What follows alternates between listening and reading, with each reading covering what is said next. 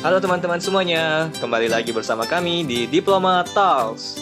Pada kali ini, uh, seperti biasa ditemani oleh saya, Ivan, dan uh, rekan saya, Jordan. Halo Jordan. Halo teman-teman, apa kabar? Halo Ivan, apa kabar? Oke, baik-baik. Apa kabar juga nih? Udah lama nggak ketemu nih? Wah, baik-baik, baik. Aman, aman. Sip, sip. Uh, kali ini kita berdua aja ya. Kita ngobrol santai aja. Bukan santai juga sih ada argumen argumennya ada kritisnya juga ya. Diskusi jadi kita lah. ya diskusi lah nah. hitungannya. Nah oke. Okay. nah kali ini kita bahas tentang kebijakan ini nih yang sedang uh, rame-ramenya dibahas. Tahu nggak new normal? Oh new normal.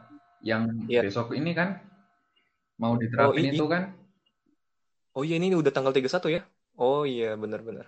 Nah kita bahas tentang itu. Uh, mulai aja ya. Menurut kamu nih dari kamu dulu sih dari aku lagi uh, new normal itu apa sih sebenarnya? Itu kebijakan seperti apa sih? Boleh dijelasin nggak? Kalau dari perspektifku, new normal itu yeah.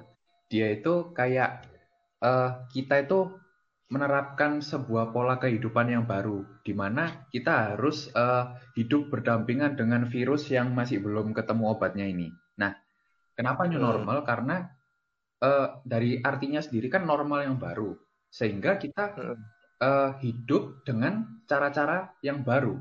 Nah, cara-cara yang iya. baru yeah. itu tersebut itu akan dijadikan sebuah rutinitas yang normal gitu loh. Jadi kita harus hidup dengan cara yang berbeda dan cara yang berbeda tersebut itu adalah menjadi bagian dari normal kita sehari-hari gitu. Nah, apa ah, cara okay. yang barunya? Eh, kok yang baru? Yang beda. Pertama, kita uh, harus rajin uh, menjaga sanitasi.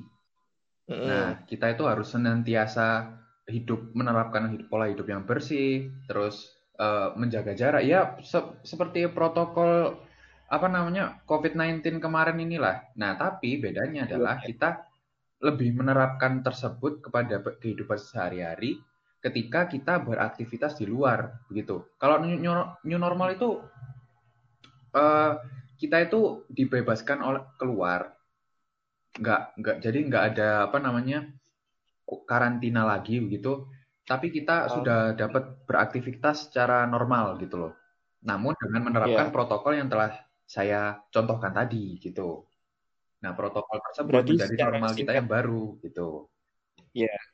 berarti secara singkatnya bisa dibilang ini seperti ini ya apa uh, eh, PSBB cuman kurangnya itu nggak ada stay at home dan lebih uh, tetap ke kehidupan bersosial namun menerapkan protokol COVID-19 gitu yeah. ya.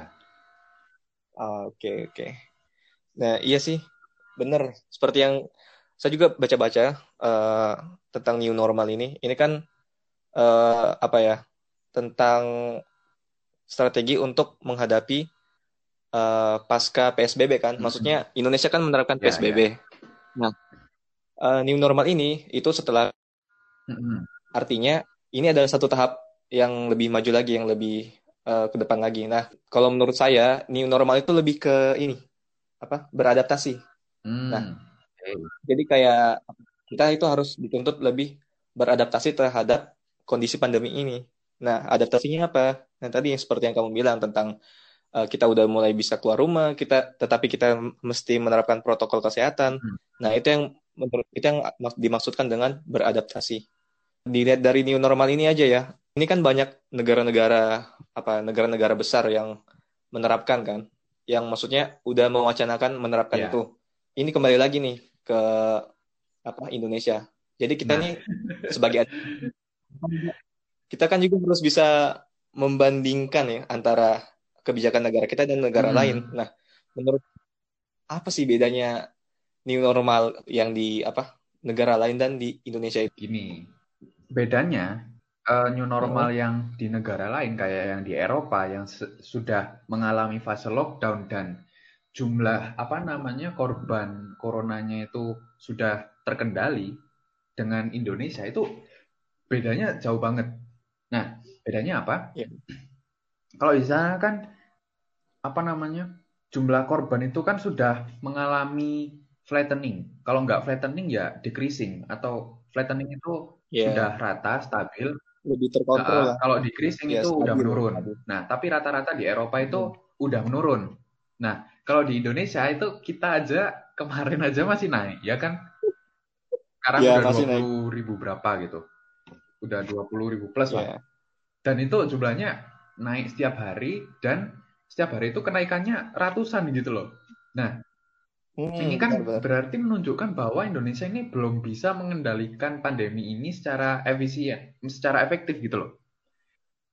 Iya, ya. secara ya. efektif. Nah, padahal ini kan uh, new normal ini kan sebuah apa namanya wacana yang diterapkan oleh WHO kan pada apa namanya negara di dunia ini.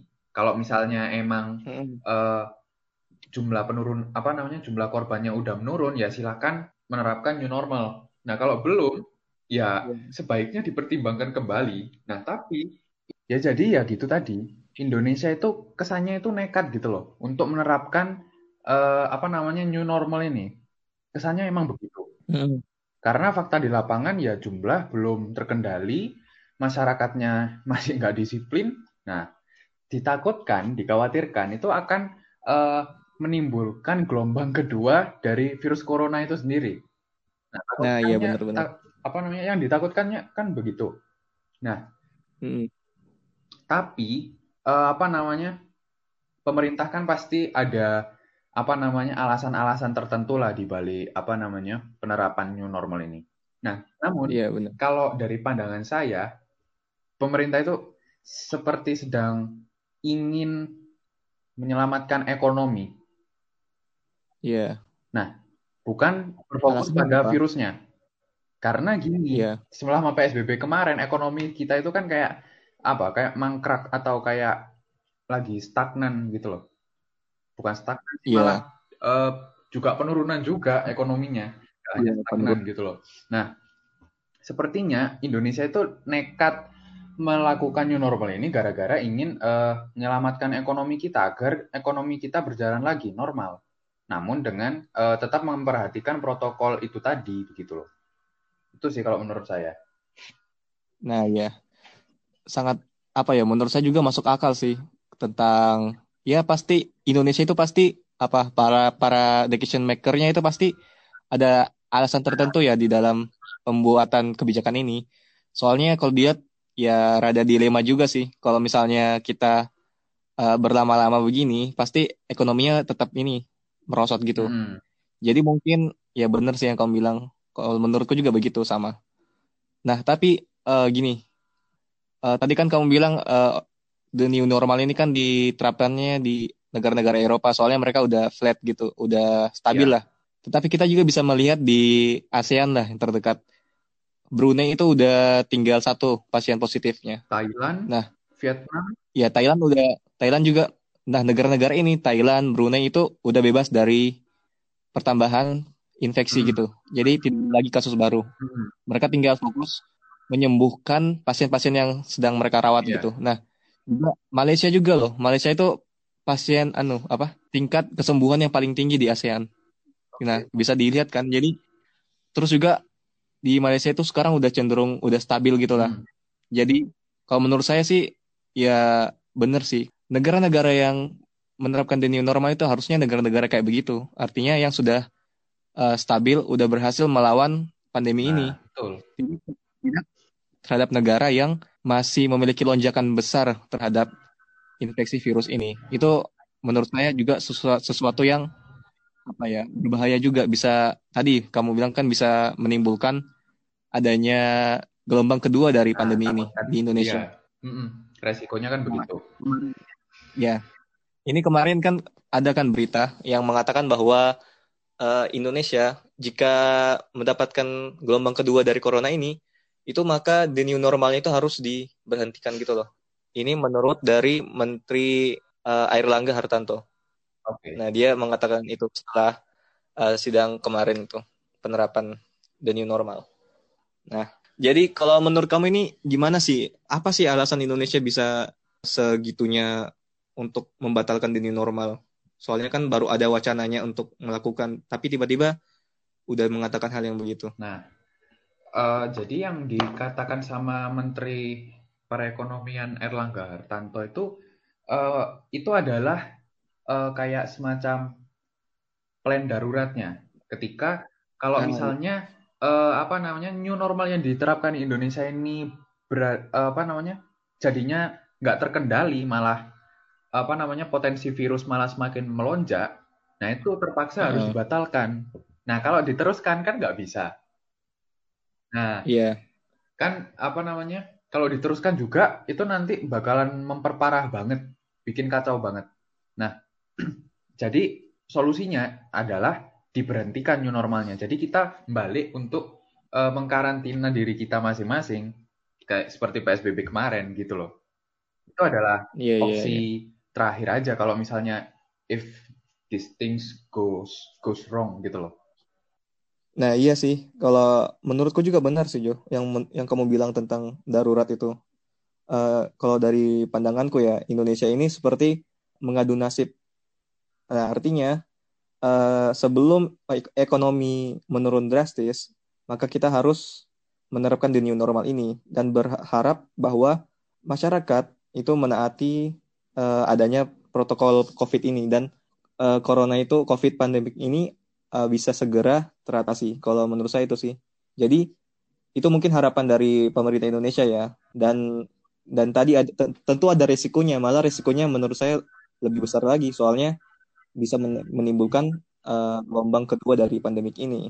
Nah, berlanjak beranjak ya the new normal. Nah ini kan yang diterapkan dari WHO kan tadi kamu iya, bilang. Iya kan ada syaratnya kan nah, kriteria negara yang. Ya syaratnya itu apa aja? New normal. Ya jadi uh, syaratnya itu apa aja? Apa aja itu yang di dalamnya dan apakah Indonesia itu tadi bisa menerapkan hal itu? Nah kalau syaratnya sendiri atau kriterianya sendiri WHO itu kan kemarin menetapkan ada enam. Nah yeah. pertama itu uh, suatu negara dapat menerapkan new normal jika bukti menunjukkan bahwa transmisi penyebaran penyakit ini sudah dapat dikendalikan gitu. Yang kedua, hmm. uh, fasilitas kesehatan itu harus uh, apa namanya memadai. Nah, terus ketiga yeah. adalah uh, resiko virus corona diminimalkan dalam pengaturan kerentanan tinggi terutama di uh, apa namanya tempat-tempat keramaian begitu maksudnya di sini itu uh, harus ada distancing gitu loh jadi setiap hmm. orang itu nggak boleh apa namanya berdekatan untuk meminimalkan persebaran nah yang keempat adalah langkah-langkah pencegahan seperti ya seperti biasa kita cuci tangan terus apa namanya terus apa namanya yes pokoknya langkah-langkah langkah-langkah pencegahan lah yang umum ya, gitu lah. Nanti dikat ya itu. Ya. Terus yang kelima adalah uh, resiko kasus itu dapat dikelola gitu loh. Terus hmm. yang terakhir adalah masyarakat memiliki suara dan dapat dilibatkan dalam kehidupan new normal ini. Jadi uh, apa namanya new normal itu masyarakat harus sudah bisa berparti apa namanya beraktivitas kembali seperti normal dengan mematuhi syarat-syarat itu tadi. Tuh. Iya. Yeah. Nah, untuk apa namanya? Kalau kita cocokkan dengan Indonesia, dari nomor satu itu aja hmm. udah belum belum mem belum memenuhi syarat. Iya, yeah, belum. Terus kedua, fasilitas kesehatan, ya sekarang itu kayak apa namanya kemarin kita aja sempat membludak kan, apa namanya fasilitas kesehatan, sempat sampai apa namanya yeah, bener, bener. rusun hotel itu dijadikan rumah sakit. Nah, kalau misalnya nekat normal, nah apa pertanyaannya adalah apakah kita uh, fasi, fasilitas kesehatannya itu apakah masih siap gitu loh? Karena kalau new normal kan kita hmm. melepaskan masyarakat untuk beraktivitas itu kan uh, jumlahnya kan semakin besar. Masyarakat yang beraktivitas itu jumlahnya yeah. semakin besar. Nah, kalau misalnya kena corona, nah itu apakah siap gitu loh? Yang untuk yang menjadi pertanyaan. Nah, Ya, terus untuk langkah-langkah pencegahan, Indonesia itu oke okay lah, uh, tempat sanitasi udah dibangun, terus apa namanya tempat cuci tangan udah dibangun, disinfektan udah disemprotin di mana-mana. Tapi pertanyaannya adalah, apakah masyarakatnya sendiri itu udah aware terhadap dirinya sendiri dan orang lain? Nah, nah masyarakat kita itu kan ini sukanya dia. kan nggak disiplin. Ya nggak usah jauh-jauh hmm, lah kalau misalnya kita keluar deh. Contohnya saya sendiri. Aku aja ke Indomaret, tuh orang-orang masih banyak yang nggak menerapkan protokol kesehatan. Kayak pakai masker, terus jaga jarak. Hmm. Apalagi pas antri di kasir itu kan. Antri di kasir itu kan harusnya hmm. kan uh, kita berjarak-jarak. Nah, ada masyarakat, ada orang yang apa namanya masih suka dempet-dempetan, masih suka nyerombol, terus suka nggak pakai masker juga, gitu loh. Itu kan Waduh. Uh, masyarakat Indonesia sendiri itu kan kesadarannya kan masih rendah gitu loh. Nah, kalau misalnya ya. apa namanya kesadarannya masih rendah, itu kan bisa-bisa upaya yang dilakukan pemerintah itu kan juga akan sia-sia gitu loh. Karena tujuannya new normal ini selain untuk menghidupkan ekonomi juga untuk apa namanya uh, memerangi virus ini, ya kan? Nah, tapi kalau ya, masyarakatnya sendiri gak sadar ya sama aja bohong gitu loh kalau menurut saya. Gitu sih. Nah, okay. aku tambahin sih. Uh, menurut syarat-syarat hmm. yang tadi itu ya, yang tentang penerapan ini, ya sama sih menurutku. Indonesia itu masih jauh, kalau menurutku ya, masih jauh untuk menerapkan ini. Nah, tadi yang pertama kamu bilang kan poin pertama, poin kedua. Nah, di poin kedua ini khususnya Indonesia itu masih apa ya? Fasilitas hmm. kesehatannya itu kurang. Sedangkan kita tahu lah kemarin Indonesia meminta bantuan kepada Amerika Serikat tentang ah. ventilator. Nah, itu kan kurangnya di situ. Terus juga tenaga medis, tenaga medisnya ini juga dokter itu Indonesia itu tenaga medisnya itu masih terke masih apa ya? dikit gitu loh. Dibayang, dibandingkan dengan Malaysia dengan Eh, negara-negara uh, lainnya. Nah, Malaysia, nah kita ini harus bisa membandingkan juga dengan tetangga kita. Malaysia itu uh, fasilitas kesehatannya itu sangat banyak, sangat hmm. memadahi gitu. Dan juga salah satu alasan Malaysia bisa uh, berhasil melawan corona itu karena fasilitas fasilitas kesehatannya. Karena gini, jadi mereka itu tidak menerapkan karantina mandiri, tetapi mereka uh, walaupun gejalanya uh, masih kecil masih atau sedang itu langsung dirawat di rumah sakit dan di dan di uh, apa dipantau oleh tenaga medis. Nah, ini bedanya dengan negara-negara lain dan Indonesia itu sendiri. Di mana alasan mereka melakukan itu karena gini, kalau di karantina mandiri itu pengawasannya kurang. Artinya si pasien ini masih bisa berkeliaran jika jenuh, jika bosan apa kan. Nah, beda dengan di semisalnya udah di karantinanya di rumah sakit. Artinya mereka mempunyai uh, waktu yang dan gerak-gerik yang terbatas banget. Dan itu ada di bawah kontrol para tenaga medis ini. Jadi gitu. Artinya fasilitas dan tenaga medis yang memadahi itu bisa mempercepat penyembuhan dari hmm. ini sendiri, dari uh, kondisi ini. Nah, tapi jika kita bandingkan oleh Indonesia, seperti tadi, di mana fasilitas dan tenaga medisnya belum memadai, uh, juga dengan ini tadi yang kamu bilang tentang masyarakatnya. Nah, nah ya tahu lah masyarakat kita kan itu masih apa ya, uh, belum sadar dengan kondisi ini, dengan kondisi yang genting ini. Nah, mereka itu apa ya, masih ada yang nggak semuanya sih, tapi ini menjadi salah satu pembelajaran aja bagi kita semua, di mana masih banyak orang-orang yang tidak menerapkan protokol kesehatan atau seperti yang kecil-kecil tadi lah, memakai masker kah atau menghindari gerombolan kah, itu masih banyak.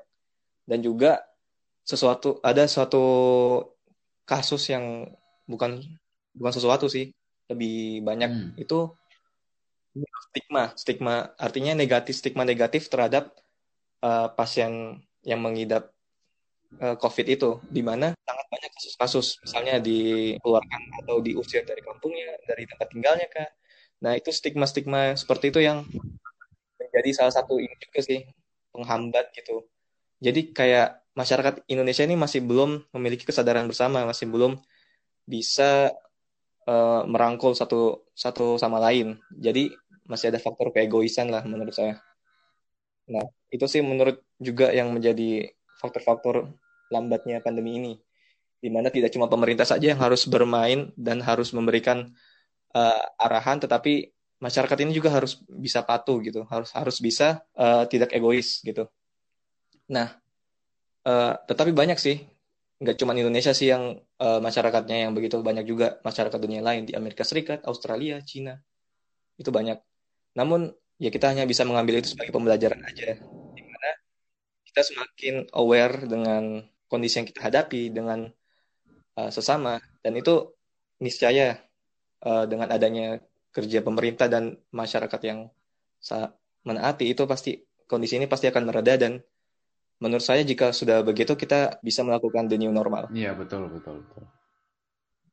Ya nah itu sih menurutku.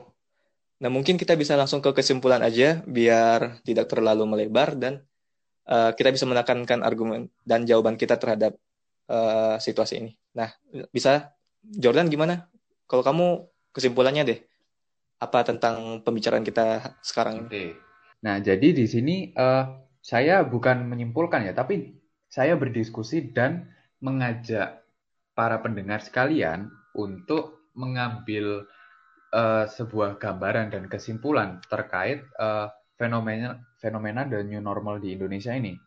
Nah, jadi yeah. gini, uh, sekarang ya, ini argumen utamanya adalah siapkah kita dalam menghadapi new normal? Kalau dari pandangan saya, hmm. Indonesia masih belum siap.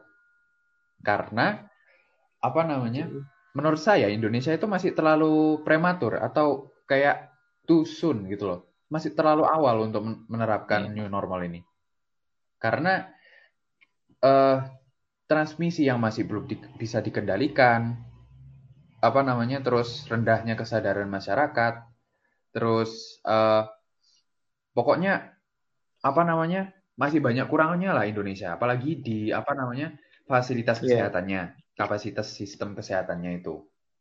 Nah, jadi ini menurut saya kalau Indonesia tetap nekat untuk uh, apa namanya menerapkan the new normal, ya ini menurut saya adalah sebuah bentuk uh, apa ya pemerintah itu semacam give up gitu loh terhadap kondisi ini. Karena seharusnya hmm. new normal itu baru bisa diterapkan ketika suatu negara berhasil memerangi pandemi yang terjadi.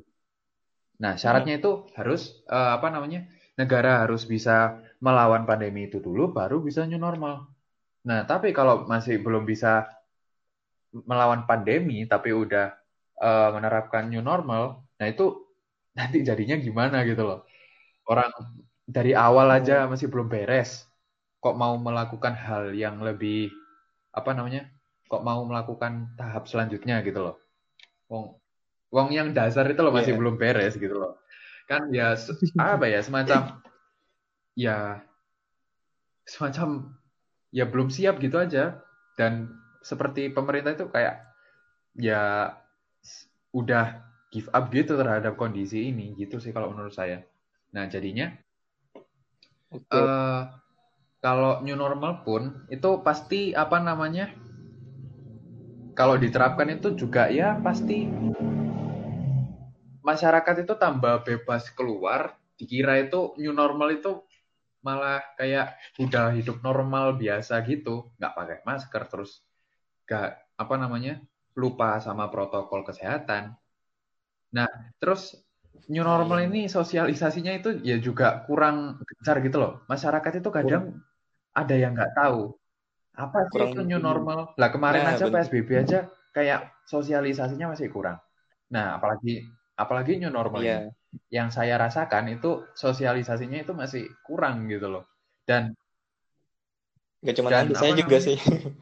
Uh, kita itu harus mencari apa namanya informasi itu secara mendalam baru kita simpulkan sendiri new normal itu apa. Nah harusnya pemerintah itu Hmm. gencar untuk mensosialisasikan new normal itu apa, terus apa yang harus dilakukan ketika new normal, terus apa saja yang harus dihindari ketika new normal gitu loh. Nah, itu yang menurut saya kurang. Nah, apalagi masyarakat. Indonesia itu ya nggak semuanya ya, tapi eh, kebiasaannya itu nggak suka untuk mencari informasi. Sukanya itu dibilangin kan. Nah, untuk menggali informasi nah, aja iya. kadang malas. Sukanya instan gitu. Nah, iya. Mau gampang gitu. Nah, itu sih yang perlu digencarkan sosialisasinya dengan melihat karakter uh, masyarakat Indonesia yang seperti ini gitu. Oke, kalau menurut saya, siapkah Indonesia menerapkan di new normal? Tidak siap. Akan tetapi akan ada poten ada potensi untuk new normal ini berhasil jika tadi masyarakat itu bisa taat dan pemerintah itu uh, bisa mengkontrol, bisa memberikan fasilitas dan juga tadi bisa memberikan sosialisasi tentang new normal ini terhadap masyarakat. Nah, soalnya apa ya? Uh, seperti yang saya bilang tadi, Indonesia itu kayak mengadu nasib, mengadu nasib artinya uh, bertaruh lah, seperti bertaruh. Jika ini berhasil, maka lanjut. Jika tidak, maka ya kembali ke PSBB lagi, pemberhentian lagi. Nah, uh, menurut saya ini juga apa ya, emang suatu dilema, suatu dilema untuk pemerintah Indonesia, di mana tadi dalam bidang uh, memperhitungkan bidang kesehatan dan bidang ekonomi. Nah, uh, mungkin ini juga kalau menurut saya sih emang apa ya, belum siap, namun cocok untuk Indonesia. Kenapa? Karena Indonesia satu uh, belum belum semakmur negara-negara di Eropa sana dan tetangga-tetangganya, misalnya seperti Malaysia, Brunei. Nah, kemudian ini yang menjadi uh, apa ya satu langkah yang bisa karena ekonominya tadi. Memang benar bahwa uh, di situasi pandemik ini kesehatan itu penting. Namun tidak cuma kesehatan aja, ekonomi juga penting. Kenapa? Karena jika ekonomi yang melarat, iya, siapa yang akan susah? Masyarakat dan siapa yang akan terkena dampaknya paling besar terutama mm-hmm. ya masyarakat lagi kembali. Paling ya akan menimbulkan kelaparan kekacauan di mana-mana. Dan itu yang menjadi pertimbangan dari pemerintah Indonesia menurut saya. Nah jadi itu aja sih kalau menurut saya. Belum siap namun uh, berpotensi berhasil gitu. Dengan cara tadi yang saya bilang. Nah mungkin itu aja. Dan semoga pembicaraan kita ini bisa menjadi satu pandangan baru yang di mana bisa menjadi pembelajaran juga bagi para pendengar, para masyarakat, dan lain-lain. Uh, terima kasih kepada Sama-sama. Jordan. Makasih. Oke, itu aja dari kita semua. Semoga bermanfaat. Ikuti episode-episode seterusnya dari Diploma Talks. Wassalamualaikum warahmatullahi wabarakatuh.